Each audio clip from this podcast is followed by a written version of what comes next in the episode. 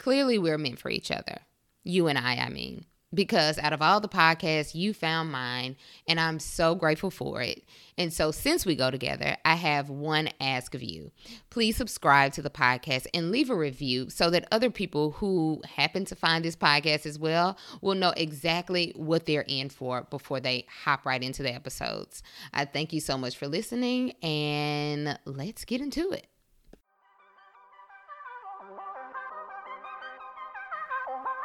This is Courtney Mason, and this is the Millennial Dreamers Podcast.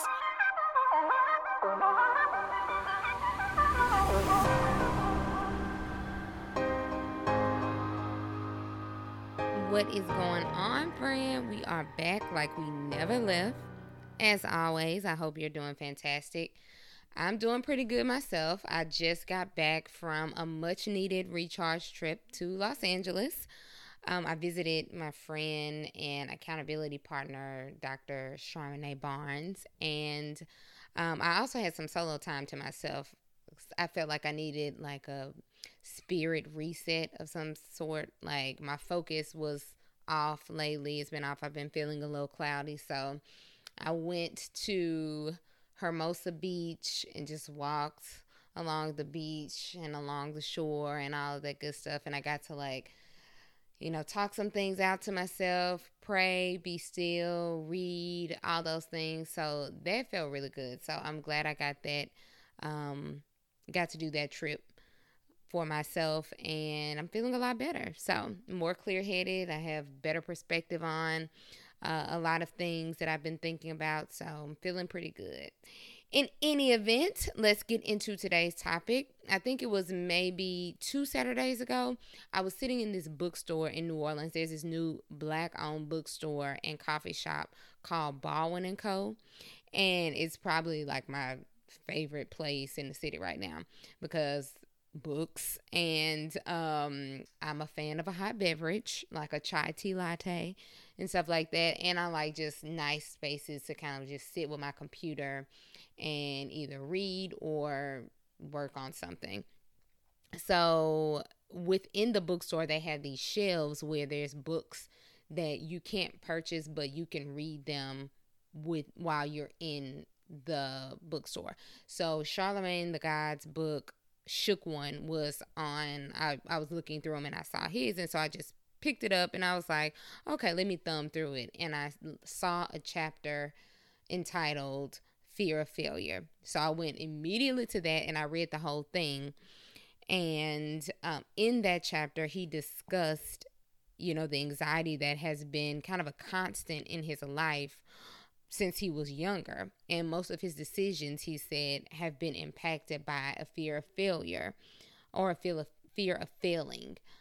And it's kind of been like the driving force behind his success. So, you know, while it's been you know anxiety filled for him along the way he says this has fueled his success and as i was reading it i could relate really on a visceral level because it reminded me of my own writing of a chapter with this very same title um, anytime I think of the fear of failure, I immediately transport back to 2009 where I was face down on my living room floor having a panic attack at three o'clock in the morning.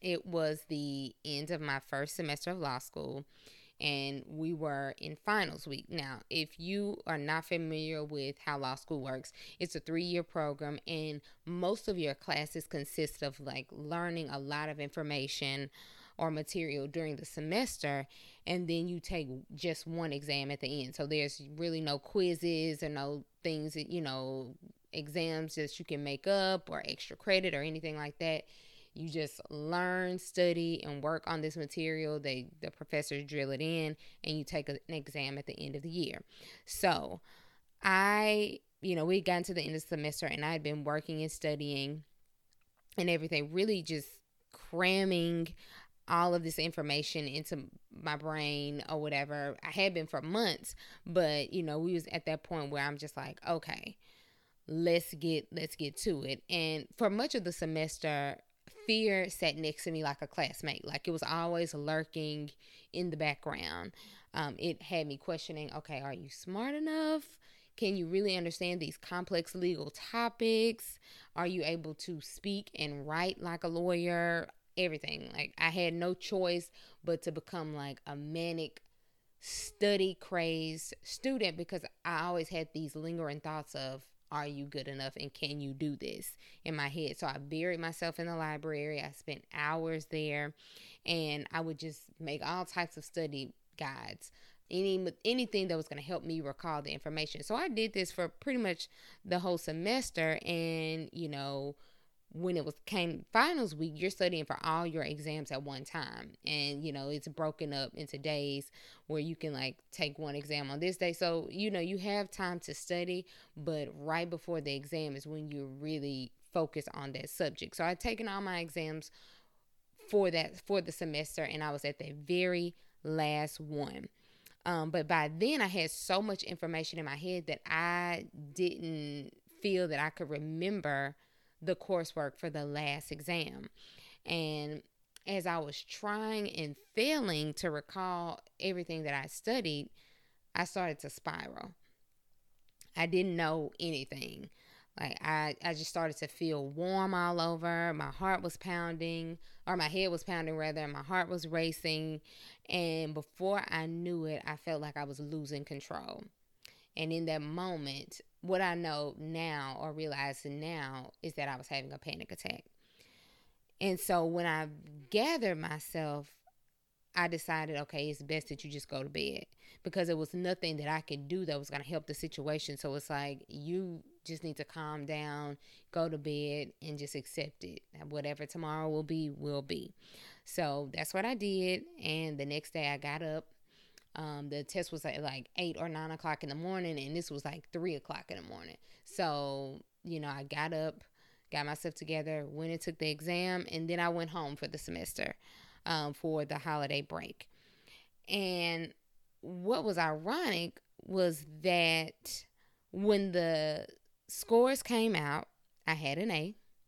And when I came back the next semester, the the school will issue these awards called the Cali Awards, which signify the highest grade within the course. So I received a Cali Award for that course, meaning out of all of the students, I, I don't know how many, it was probably like 50 or more, something around that students. I can't remember the exact count, but I got the highest grade in that class. And I literally had an anxiety filled episode because I thought that I was going to bomb it and fail miserably.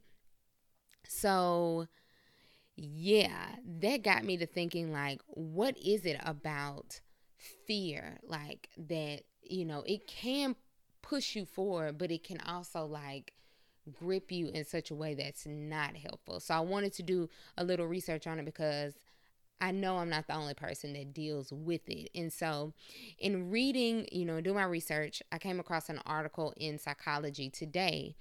And the writer, Dr. Guy Winch, he wrote that the term fear of failure is somewhat of a misnomer because it's not failure per se that underlies the behavior of people who have it. Instead, a fear of failure is essentially a fear of shame. Hmm. People who have a fear of failure, he says, are motivated to avoid failing not because they can't manage the basic emotions of being disappointed or angry or frustrated that you failed at something, but because failing also makes anyone who ha- has a fear of failure, it makes you have this deep sense of shame. He goes on to write that shame is like a toxic emotion because instead of feeling bad about our actions, which is guilt, or our efforts, which is regret, shame makes us feel bad about who we are. It gets to the core of our identity, our ego, and our self esteem. Right? That was kind of like a light bulb moment when I read that because I'm like, oh, snap. It's not that I'm afraid of failing. is more that I'm shame. I'm I'm fearful of the shame that will be associated and the things that I tell myself about what failing means or says about me. So he gave a list of different things of, you know, how you can identify whether or not you have this kind of irrational fear of failure. He says signs that you might suffer from it may include that you um, worry about what other people think about you. It, failing makes you worry about that. Um, it makes you worry about your ability to pursue the future that you desire. I can relate. Um, it makes you worry that people will lose interest in you. Like you're not as interesting because you failed at something or you weren't great at something. It makes you worry about disappointing people whose opinion you value. Um, and it makes you worry about how smart or capable you are. And I think that is one of the most important things that I can see within myself. It's like I've always held myself to be or understand myself to be a smart person, and I've achieved a lot of things, but um, I think I've talked about imposter syndrome before on one of the episodes, but it's a thing that you know a lot of ambitious people deal with like Am I good enough? Am I capable? What does it say about me if I don't do well? I don't know if you can identify with it, but I can strongly identify with it. So, there are, you know, some strategies that we can use to overcome this feeling. Um, as I researched, I came across a number of articles, but one in particular um, was an article in Forbes written by Vanessa Loder. She's a former private equity investor turned entrepreneur. And she wrote an article basically giving strategies for helping to overcome the fear of failure. So I'll just give a few that she um, addressed, and then, um, you know, maybe you can apply it because I'm applying it as well. the first thing she says is to visualize the obstacles. She said, think of a situation in which you are afraid of failure.